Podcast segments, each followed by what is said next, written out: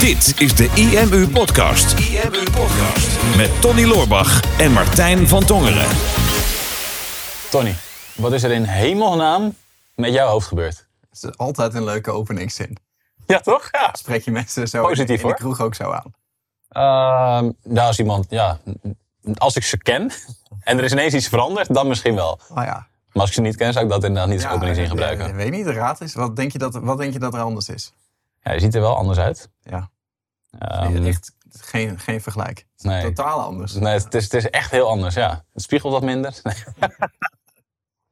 Ja, je hebt wat meer haar volgens mij. Ja, ja, met de nadruk op wat. Ja, Wat? het is nog niet helemaal af. Nee? Het is nog niet helemaal volgroeid. Nee, ik heb eh, nu vier weken geleden, denk ik, een haartransplantatie gedaan. En dat is nu, eh, nou, daar is, daar, nu zie je dus meer haar. Maar het is, nog, het is nog niet helemaal af. Maar we dachten, we gaan gewoon podcasten. En dan, eh, dan erbij. het wel. Volgens mij de laatste podcast die we hebben opgenomen... die zal dan waarschijnlijk hiervoor online zijn gegaan. Mhm. Daar noemde ik volgens mij wel iets van... ik heb mijn haar nu een millimeter langer, want... eh, door omstandigheden leg ik nog wel uit. Dat Ja. komt dat ik die twee dagen, twee dagen daarna of zo had ik die transplantatie, of een paar dagen daarna. En dan moest het ietsje langer voor zijn, want ze moesten wel iets hebben om Om eruit te om halen. eruit te halen en te kunnen verplaatsen. Of tenminste, dacht ik, dat hoeft uiteindelijk helemaal niet. Maar het is echt apart dat ik gewoon mijn haar, heb ik er anderhalf jaar geleden of zo afgehaald. Eh, eigenlijk door corona. Mhm. Want ik had nog, voor mijn gevoel nog wel relatief veel haar. Of tenminste in ieder geval te veel om het eraf te halen. Maar ik, ik liep daar wel echt al jaren mee rond. Van dat wordt steeds minder. Moet je niet ooit een keer dat eraf gaan halen. En op een gegeven moment gingen de kappers dicht. En toen moest ik het zelf eh, gaan doen. Want ik had niet een kapsel wat je vier weken lang gewoon onaangeraakt gewoon kon laten groeien. Nee. Dus toen ging ik het zelf bijwerken met tondeuzen. En het ging, het ging verbazend goed. Daar hebben we echt wel van geleerd. Je kan echt prima zelf je haar knippen thuis. Maar toen werd ik op een gegeven moment overmoedig. En toen eh, was het een beetje net als dat je zeg maar een wiebelende tafel hebt. Zoals wij hier nu ook hebben. Mhm. En dat je dan denkt van zaag ik één poot een beetje bij.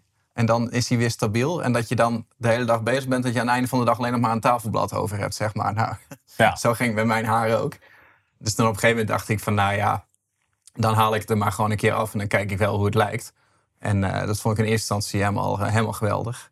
En toen na een uur niet meer zo. Toen vond ik het echt vreselijk. Dus het was echt een emotionele rollercoaster. Maar ik heb het wel anderhalf jaar zo gehouden. Omdat het gewoon... Het duurt best wel een tijd om weer daar doorheen te komen. Ja, ik weet dat jij toen vlak erna, dat, dat je toen twijfelde van ga ik het meteen weer laten teruggroeien. Want ik vind het toch best wel kut. En toen Ja. dacht erna van, ah, het is toch eigenlijk best wel vet. Ja. En mensen om je heen zeiden ook, waaronder ik, van nou, het staat je echt vet goed. En, en toen eh, stuurde hij nog zo'n foto van eh, Jeff Bezos door met eh, hoe hij er vroeger uitzag en hoe hij er nu uitziet. Ja, ja. veel beter. Ja. Ja. maar ja, dat is het gewoon. Als je om je heen kijkt, gewoon bij andere mensen...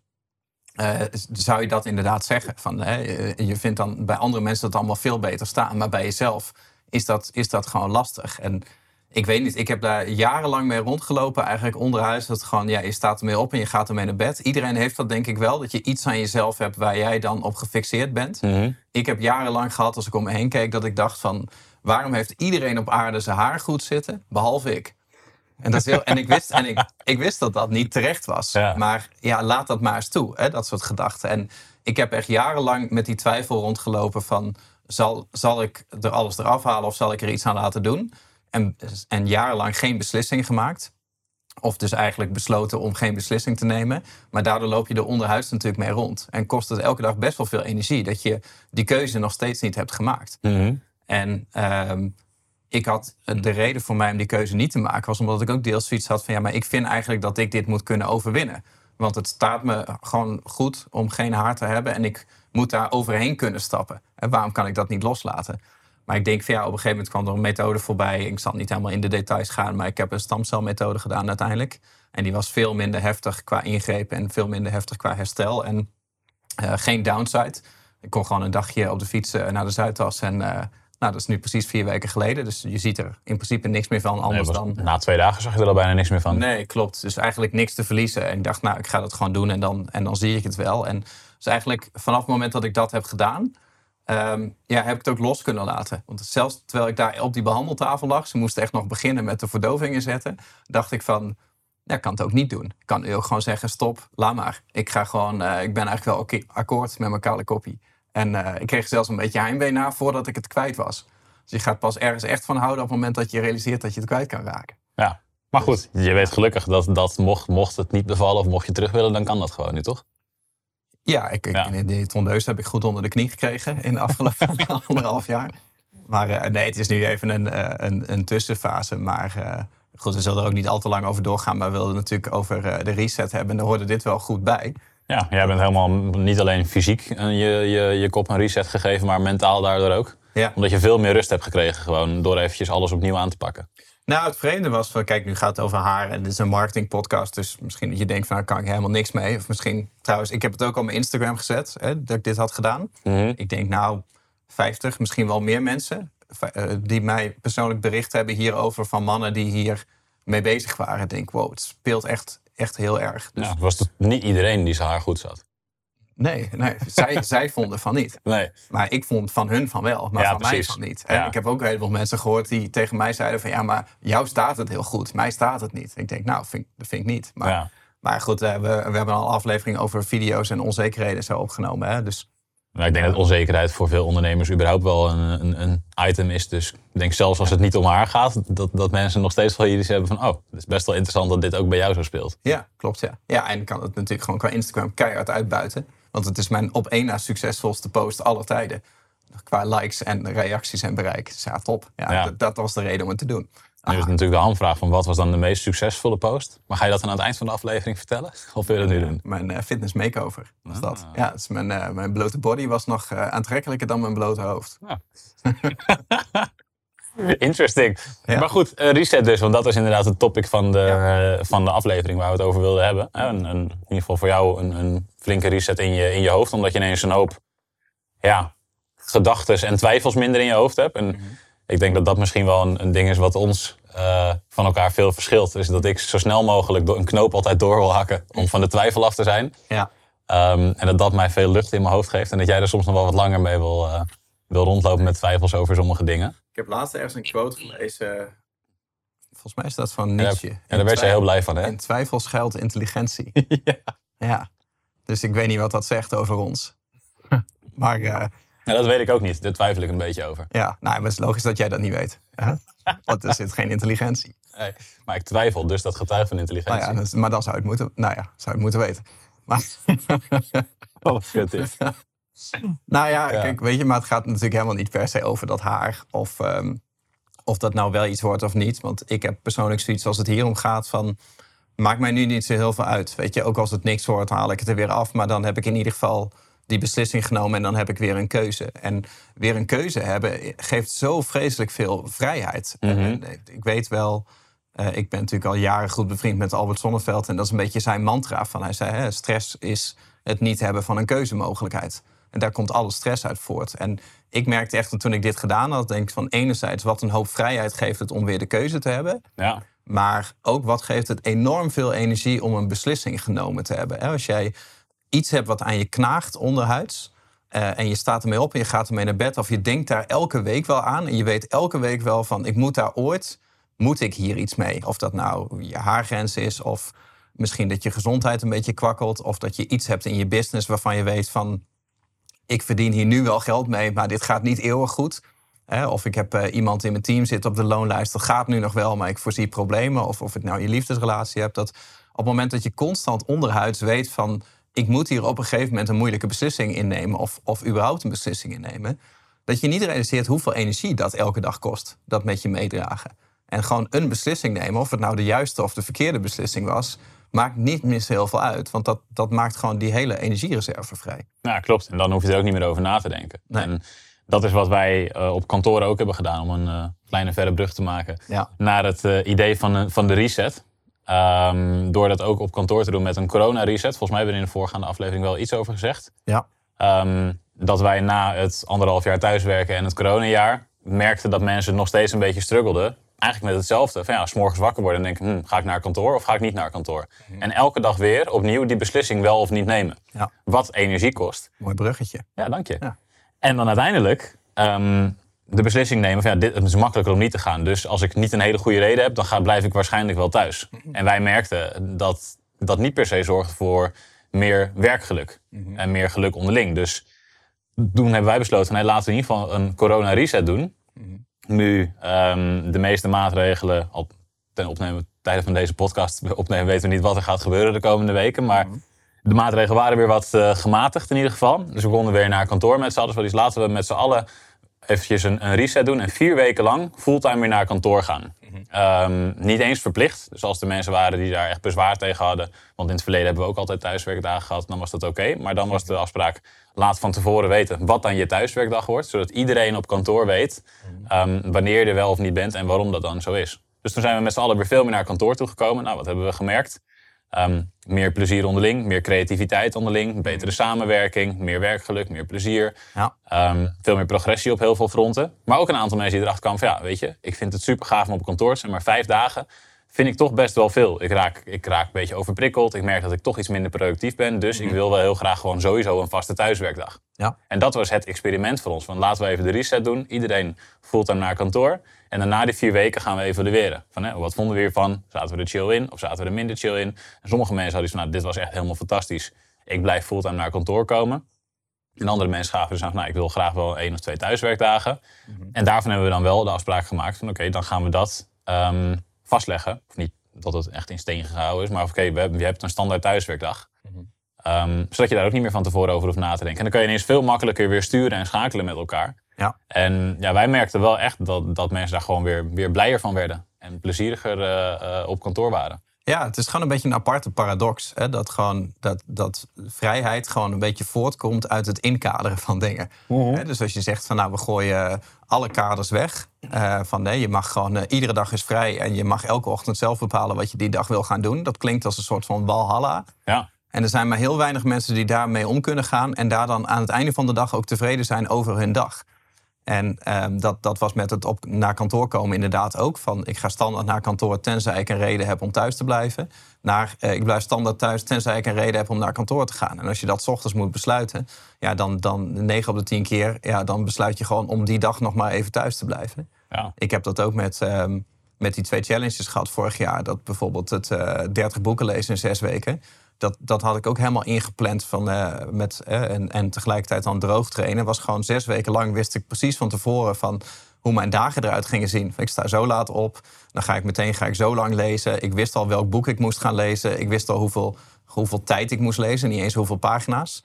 Um, ik wist al welke trainingen ik zou gaan doen en op welke tijdstip op de dag die zouden komen. Ik wist mijn ontbijt, mijn lunch, mijn diner, alles was al ingeregeld. En dat, dat zorgde ervoor dat als je ochtends wakker wordt, dat je niet denkt van zal ik snoezen of niet? Denk nee, kan niet, want dan haal ik mijn schema niet. Dus je staat meteen op, want er is geen, er is geen vraagstuk. Ja. En dan stap je uit bed en denk je, hm, zal ik gaan sporten, zal ik gaan lezen? Denk, er is geen vraagstuk, het plan ligt er al. En zeg maar, in die inkadering vind je op de een of andere manier uh, heel veel rust. En, en daardoor misschien ook wel een heel groot stuk mentale vrijheid, omdat al die beslissingsmomenten eruit zijn. Ja, klopt. En dat is waarom ik, bij mij al jaren mijn ochtendritueel eigenlijk hetzelfde is. En dat was in het begin, toen we net naar Utrecht verhuisden, was dat eventjes zoeken. En nu heb ik die weer helemaal op orde. Ja. En is dat inderdaad, daar zit nooit twijfel. Dus zit daar gewoon geen energieverlies. Er zit er juist energiewinst. Mhm. En ik merkte vorig jaar, ja, dat was begin vorig jaar. Toen, uh, jij hebt dat een jaar eerder al gedaan, zo'n voedselintolerantietest dat ik ook zo'n periode gedaan van een challenge van heel veel inkaderen. In plaats van elke dag beslissen, ehm, wat ga ik nu eten? Ja. Wat zal ik vanavond eten? En dan meestal de thuisbezorgde app openen en dan bij de zeven favoriete restaurants bekijken van nou, wat, wat wordt het dit keer? Um, had ik een voedselintolerantietest gedaan, onder andere voor mijn huid, waar we het ook toevallig vorige aflevering over hadden. Mm -hmm. het wordt nu gewoon een beetje een uh, esthetische podcast. Hè? Ja. Over jouw huid gehad, over mijn uh, haar. En, uh, Het is allemaal, everything is connected, ja, bro. We gaan, een tijdje geleden zijn we ook al make-up erbij gaan halen toen we een video overgingen. Ja, ja dat wordt een leuke... Dus de volgende keer ga ik thee ook inschenken. High tea maken we ervan. Maken een theekransje. Zo'n mooie, zo, maar zo'n plateau, maar dus zonder gluten. Ja, thee zonder gluten. Ja, nee, maar theekransje, dan verwacht ik ook... High tea, daar hoort ook cake en zo bij. Oh, ja. Ja. Dus, maar, cake zonder gluten. Ja, cake. Ja, maar wel met wiet, anders is het geen high tea. Wauw. Oké, ja. Um, goed. um, uit die voedselintolerantietest kwam dat ik um, hoge IgG-waarden of zo heb op, op gluten. En dat, dat moet ik dan een tijd uit mijn voedingspatroon vermijden. Nou, mhm. als dat uh, de situatie is, dan kom je erachter dat je in Nederland in bijna elk voedingsmiddel wat je koopt in de supermarkt, wat niet op de groente, fruit, vleesafdeling is, dat daar gluten in zitten. Mm is dat wat groente, fruit, vlees? ja. ging, ja, nee, de versafdeling. um, dat er bijna overal gluten in zit. Dus toen moest ik gaan nadenken van oké, ik moet enerzijds moest ik een aantal voedingsstoffen gaan vermijden. Uh, ook pinda's, wat wat ik had altijd, altijd wel pindakaas of satésaus. Echt altijd. Altijd. nu dus bijna Niet elk uur of zo, Nee, maar altijd. Altijd, ja. Toch geen, bij mij best wel treffend trouwens. Er zijn weinig momenten dat je mij niet ziet eten.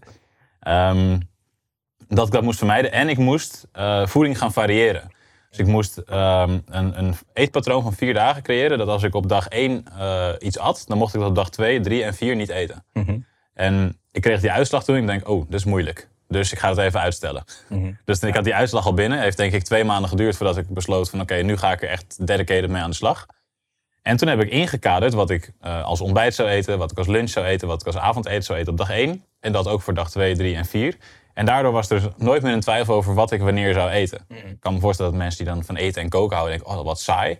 Maar ik heb een hekel aan koken en ik haal geen energie uit het maken van eten. Dus voor mij was dit eigenlijk ideaal. Ja. En daardoor was er helemaal geen twijfel meer in. Maar vanaf het moment dat ik die beslissing had genomen en toen zo ben gaan eten, verloor ik geen energie meer over dat gedachteproces. Maar ik had ook ineens alleen maar dingen waar mijn lichaam goed op reageert. Dus ik heb in die weken ook in zo'n extreme energiepiek gezeten. Ehm, nooit een dipje, eh, mijn huidklachten gingen weg. Echt, echt gewoon alles waar ik eh, last van had, was ineens verdwenen. Dus ja, dan op een gegeven moment dan stop je daar weer mee.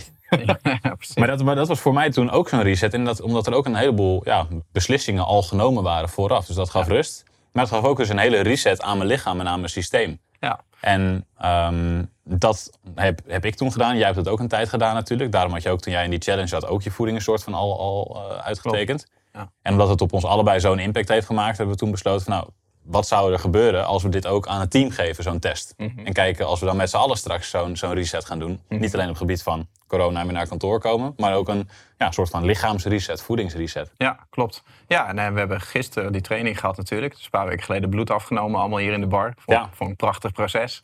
Maar ik zal niet alle details vertellen, wordt het een hele lange podcast. Maar ehm, gisteren hadden we die training van, eh, van Patricia over, eh, over voeding en hoe je dan daarmee om moest gaan. Hè, ook dat het niet per se intoleranties zijn. Hè, want natuurlijk, weet je, je zet het op je Instagram dat je dat gaat doen met het hele team. Je krijgt eh, honderd complimenten van wat gaaf dat jullie dat met je hele team zo bewust aan je gezondheid werken. En er zijn er altijd weer één of twee die zeggen, wist je wel dat je geen conclusies kon trekken uit die test en dat het zelfs gevaarlijk kan zijn. Denk, oh mensen, houd toch eens op met advies geven als je de context niet kent. Weet je wel, we hebben een training van drie uur over voeding en het interpreteren van een bloedtest. En daar was je helemaal niet bij. Maar goed, details. Frustratie. Ik voel de frustratie. Ja, ik kan daar echt ik niet herken tegen. hem Dat, ook, dat ja. ongevraagde advies op social media, denk nou ja, boeien. Ja. Maar ehm, hè, om, om aan te geven, van het zijn niet per se intoleranties, maar je weet nu in ieder geval waar jouw bloed op dat moment eh, een, een reactie heeft gegeven, dus waar gevoeligheid was. En Ja. nu moet je gaan onderzoeken of dat inderdaad een terechte gevoeligheid is. En wat je daarmee kan. Of dat impact heeft op je energie, of bijvoorbeeld op je huid, of, ehm, of, of überhaupt op je maag-darmwerking, of op, op, op wat voor vlakken dan ook. En dat was heel nuttig, zeker omdat niet iedereen dezelfde resultaten had dat je toch merkt van nou, nu worden we allemaal wat bewuster. En kijk, het idee is meer, wat jij ook hebt gedaan, en ik heb dat met die challenges ook gedaan, is dat je gewoon eigenlijk een eenmalige reset doet om te kijken van ik ga even mijn standaard eenmalig eh, verhogen of naar een soort van ideaalbeeld trekken. Hè? Dus bijvoorbeeld eh, door te zeggen van nou, ik reageerde niet goed op gluten, dus ik ga zes weken lang ga ik helemaal geen gluten eten. Een soort van harde reset. Ja. En daarna ga ik kijken of ik een balans kan vinden in mijn leven. Ik had dat ook met, eh, met, het, met het boeken lezen bijvoorbeeld. Een eenmalige piek van zes weken om 30 boeken te lezen. En daar dan heel veel over mezelf te leren en over hoe je sneller kan lezen, beter kan lezen, wat je gewoonten zijn, hoe je dagen kan doen. En daarna, dat hou je niet vol, zo'n zo'n reset. Want dan zou je hele leven lang één grote reset zijn. Eh, maar je neemt er wel een aantal dingen aan mee, uit mee die je wel gewoon in je leven kan inpassen. Ja. Hè, dat heb jij natuurlijk ook gewoon niet alles goed blijven doen na die reset. Maar je hebt wel een paar gewoontes meegepakt die gewoon heel goed voor jou, voor jou werkten. Ja, en, en de bewustwording überhaupt van ehm, welke dingen dus, dus minder goed voor mij werken. Ik denk, ik kan nog steeds heel erg genieten van een kipsateetje. Maar als ik dat nu eet, dan weet ik dat ik een paar dagen daarna eh, wat meer uitslag in mijn gezicht heb. Ja. Eh, dus dat is dan een bewustere keuze. En ik weet ehm, dat ik het niet te vaak moet eten. Want dan is het gewoon, op, dan is het gewoon slecht voor mijn darmen kennelijk. Nou, dat is Ja. prima. Dan, dan weet je dat. En dan kan je daar veel bewuster mee omgaan. Ja. En ik, ik denk voor mij de belang- het belangrijkste inzicht wat gisteren weer kwam, was meer variëren in voeding. Ja. En om te zorgen dat je, dat je ehm, ja, om, om, om gewoon je hele systeem beter te prikkelen. En ik denk, ja, die bewustwording, dat wist ik anderhalf jaar geleden. Want toen merkte ik wat voor energiepiek het me gaf. En dan Mhm. ga je er toch weer wat lakser mee om. En dan na die training van gisteren dacht ik, ah gast, dit wist je gewoon. Ja. En dan toch weer vergeten. Dus af en toe is het ook weer goed om weer even een nieuwe reset te doen. Dus wij hebben natuurlijk, jij hebt een keer zo'n test gedaan. Ik heb ook zo'n test gedaan. Nu wederom. kwam bijna hetzelfde uit als vorige keer. Ja. Alleen een aantal waarden iets lager van dingen die ik dan heb vermeden de afgelopen jaren. Dus denk, ja, eens in de zoveel tijd een reset doen om jezelf weer even scherp te maken. Dat is gewoon super, super sterk, denk ik. Ja, nou ja, dat is een beetje de vraag van hè, wat kan je hier nou mee? Want het is marketingpraat. En er zit nog geen marketingadvies in. Anders dan als je dit soort dingen gaat doen en je zet het op je Instagram, dat je veel meer reacties krijgt. Dus dat, is- sowieso Dat marketingtip van het jaar, dames en heren. Nou, ik denk wel, daar zit wel een hoop waarheid in. Ik heb dat vorig jaar gemerkt. Dat ik ben best wel een luie influencer. Ik post niet zoveel. Eigenlijk alleen als ik op vakantie ben. En voor de rest laat ik het een beetje liggen. Af en toe dan krabbel eens een keer wat op. Maar denk, als ik nu kijk van ja, welke posts hebben nou het meest voor mij gedaan? Ja, mijn, mijn nummer één is mijn fitness makeover. En dat was in combinatie met die boekenlees challenge. En mijn nummer twee is dan de foto van de haartransplantatie. Ja, dan kan je wel denken van daar kan je niet zo heel veel mee. Maar social media, het, het is natuurlijk social media. Het is, Ja. het is verbondenheid zoeken met mensen. En als je alleen maar content deelt, wat ik het liefste zou doen, ik krijg daar niet zo heel veel reuring op. Hè? Maar als je eh, ook gewoon van jezelf laat zien waar jij mee bezig bent, hè, dan zul je zien dat dat op social media in ieder geval een hoop tractie gaat geven. En wij doen dat bijvoorbeeld door. eh, je gaat nu meteen wat posten, merk. Nee, nee, nee. Praat, praat rustig verder met wat wij bijvoorbeeld doen. Ik, denk, ik, ik durf met vrij veel zekerheid te weten welke, welke bij mij het beste hebben ik denk, ik ga het heel even dubbel checken. Oh ja, nou ja, prima. Hè, maar ook omdat wij dat nu gewoon met het hele bedrijf doen. En dat delen we dan ook weer op social media. Van ja, ik merk wel dat mensen dat leuk vinden. En ook klanten, dat ze meer verbondenheid voelen met het bedrijf IMU, Team IMU. Omdat ze ook zien wat wij hier op de werkvloer aan doen zijn. Wat niet alleen maar software bouwen en support is. Dus dat is een beetje een verstopte marketingtip. Van, hè, maak het extern. Mhm. Uh, maar ook wel gewoon het hele principe van die reset. Hè. Ik merkte gewoon, bij mij komt er best wel veel los van. Het begint met beslissing genomen van oké, eh, nou, nieuw haar, eh, prima. Uh, en dan voelt dat een beetje als een soort van kickstart van... nou, dan ga ik even naar alle andere fronten van mijn leven kijken. Van, dan mag overal mag wel even een tandje bij of even een nieuwe standaard. Van, hè, of dat nou uh, je haar is of, of, of je, je garderobe of je huis of je meubels of wat dan ook. Maar ik ben dat in de business ben ik dat ook gaan doen. Door gewoon te kijken naar van wat zijn nou die dingen waar je al heel lang een beslissing met je meedraagt... waarvan je weet van ik moet eigenlijk één keer een investering doen om dit te fixen en om dit eenmalig naar een hogere standaard te brengen. Dus er moet een soort van reset op. Ja. En wij hebben het in vorige podcasten heel veel gehad hè, over eenmalige acties doen. En ik merk dat um, wat wij met de marketing zijn gaan doen, is dat we gewoon zijn gaan kijken naar welk stukje van onze marketing werkt het allerbeste voor het direct resultaat. Mhm. Dus bijvoorbeeld, nou, als wij een webinar geven, of we een salesactie doen, iets met een deadline, dat werkt het allerbeste. Dus we zijn eigenlijk alle andere dingen gaan elimineren. We zijn alleen nog maar dat, dat kleine stukje aan het doen wat goed werkte. En dat was mijn inzicht, inzicht gisteren bij de, bij de voedseltraining. Dat ik dacht, ja, ik weet dit allemaal wel wat hier verteld wordt. Of soort van, lang niet zoveel als Patricia. Maar ik ben alleen maar alle dingen die slecht voor me waren... ben ik uit mijn voedingspatroon gaan halen.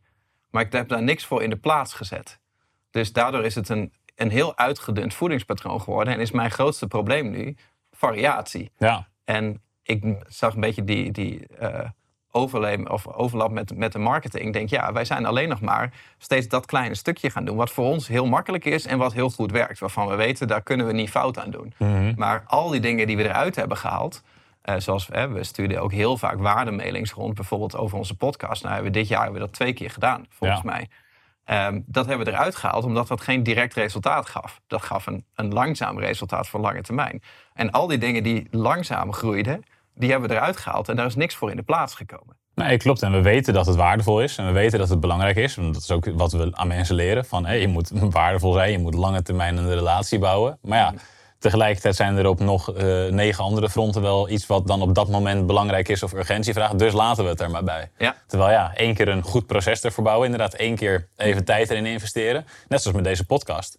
Um, hebben we ook al een tijdje, nou we nemen deze nu al een tijdje op, we hebben hem gerebrand, maar we wilden eigenlijk er een, nog een wat scherper en wat strakker concept van maken. Ja, dus ja, we moeten één keer, huh, zei je? Reset. Een reset inderdaad. Dus we moeten één keer daar een goede meeting voor hebben en het helemaal uittekenen hoe we het willen gaan doen en hoe de contentstrategie daarop gaat, gaat uh, werken. Mhm. Maar ja, dat is één beslissing waar we even wat meer tijd in moeten steken, dus dat hebben we nog niet gedaan. Nee. Gaan we binnenkort wel doen trouwens. Nee, maar ik denk dat het dan, hè, dan komen we zeg maar het einde van de podcast, is eigenlijk een beetje het inzicht waar, we ook, waar ik dan mee begonnen ben als het over die haartransplantatie gaat. Dat ik heb dat al jaren in mijn hoofd, waarvan ik weet van oké, als ik dat ga doen, dan moet ik daar eh, negen maanden van mijn leven in investeren. En dat was voor mij de grootste drempel om dat niet meteen te gaan doen. Want je hebt nooit, het is nooit een ideaal moment om negen maanden te investeren. Nee. En eh, als het dan hierover ging met een paar weken herstel. Hè, dus voor mij was nooit een moment van zes weken lang geen podcast, geen seminar, geen interviews. Iets waar je niet voor de camera moest. Dus dan draag je dat met je mee van ja, dan moet ik ooit één keer veel tijd en energie en geld misschien in investeren. En dat komt later nog wel, want tot die tijd zijn er meer quick wins. Ja. Maar je weet dat als je die investering zo snel mogelijk maakt, dat je daarna veel meer energie en veel meer tijd hebt. En dat, dat het daarna allemaal gewoon bergopwaarts gaat. Ja. En dat hebben wij met onze marketing ook. Hè? Dat we gewoon met ad-campagnes kijken, altijd even snel van... hebben we nog iets liggen voor een nieuwe weggever? Kunnen we even snel een landingspaginaatje in elkaar draaien? Eh, het is altijd een beetje half werk, hè? of op 70%. Maar het is goed genoeg voor dat moment. Ja, beter dan niks. Als wij vorig jaar het boek niet geforceerd hadden in het begin van het jaar. eh, Toen is hij in 2,5 week tijd 15.000 keer verkocht. Als dat een eenmalige actie was geweest, dan was het daarbij gebleven. Ja. Maar ondertussen is hij meer dan 30.000 keer verkocht. En hebben wij daar niet meer eh, tijd in gestoken. Ja, alleen af en toe wat nieuwe advertenties geschoten ervoor. Maar voor de rest loopt dat proces helemaal door. Klopt. Nou, we hebben nu ook met de software. Hè, we hebben bijvoorbeeld in eh, Phoenix eigenlijk een complete make-over gegeven. Vanaf maart zijn we aan de slag gegaan om dat, dat product gewoon helemaal te herzien. Om gewoon een heel nieuw Phoenix op te bouwen van hoe zouden we het product maken als we nu opnieuw zouden moeten beginnen. Eh, en dat, dat voelde heel contra-intuïtief. Van ja, we hadden in die maanden hadden we ook heel veel quick wins kunnen doen. Maar ja, door die investering van een paar maanden te maken, zijn we straks klaar voor de komende vijf jaar, zeg maar.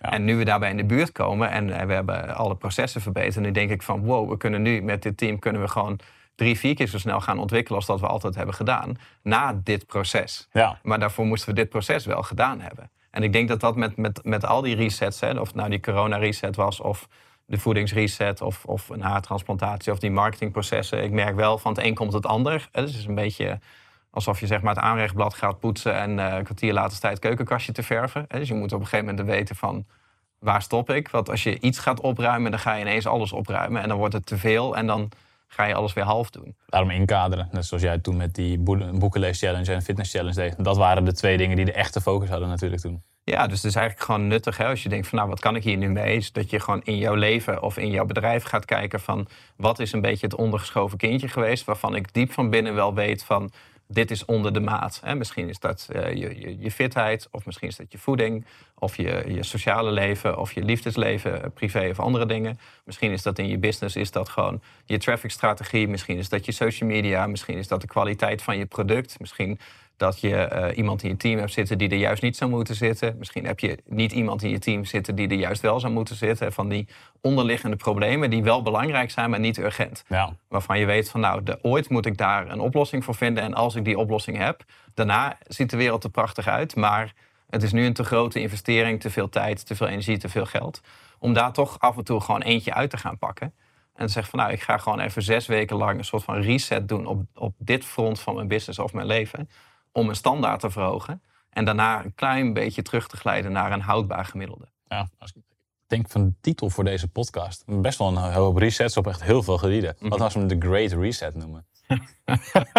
Krijgen we heel veel views. Dan krijgen we veel views. Ik denk dat we ook een hoop comments krijgen van mensen die dan denken... ja, gasten, hier, hier hebben jullie het nodig, hier moeten jullie het niet over hebben. Hebben ze niet geluisterd. Dan krijg je dus weer jouw frustratie. Van ja, Ja. je hebt alleen een titel gelezen Ja. en vormt een mening. krijgen wel reacties. Ja. Wel viraal. Ja. Ja. maar kijk, we zeggen natuurlijk ook, je moet niet de reset niet te groot maken. Dus ik vind het ook De small reset. small reset. De major reset, ja. Ja. Nou, we gaan- nog even spelen met de titel. Maar het zou zomaar kunnen dat het eh, iets van dit gaat worden. ja, ik denk het niet. Ik zou het wel leuk vinden. Ja. IMU Podcast. Super tof dat je hebt geluisterd naar de IMU podcast. Ik hoop dat je dit waardevol vond en dat je er inzichten uit hebt kunnen halen voor jezelf en voor je eigen business. Vond je dit nou een waardevolle podcast, dan zouden Tony en ik het heel erg waarderen als je dat zou willen delen. Enerzijds door dat bijvoorbeeld te delen via je eigen Instagram of via LinkedIn. Door een screenshot te maken van je telefoonscherm en ons daar even in te taggen. Maar wat we nog meer zouden waarderen is als je de tijd en moeite zou willen nemen om een review achter te laten. Werk je met een Apple-telefoon, dan kan je dat doen binnen je eigen podcast-app door daar een review te geven. Geef ons een x aantal sterren met daarbij een korte motivatie wat je van onze podcast vindt. Zouden we echt enorm waarderen als je die tijd zou willen nemen. En werk je met een Android-telefoon, Dan zie je dat, daar, eh, dat de meeste apps geen review-mogelijkheid hebben. Wat we dan heel erg zouden waarderen is als je op Google IMU zou willen intypen. En vervolgens via de Google Review-sectie iets zou willen vertellen over de IMU. Wat je van ons vindt en wat je aan onze podcast hebt gehad. Alvast heel erg bedankt. En ik hoop natuurlijk dat we je volgende week weer mogen verblijden met een volgende aflevering van de IMU Podcast.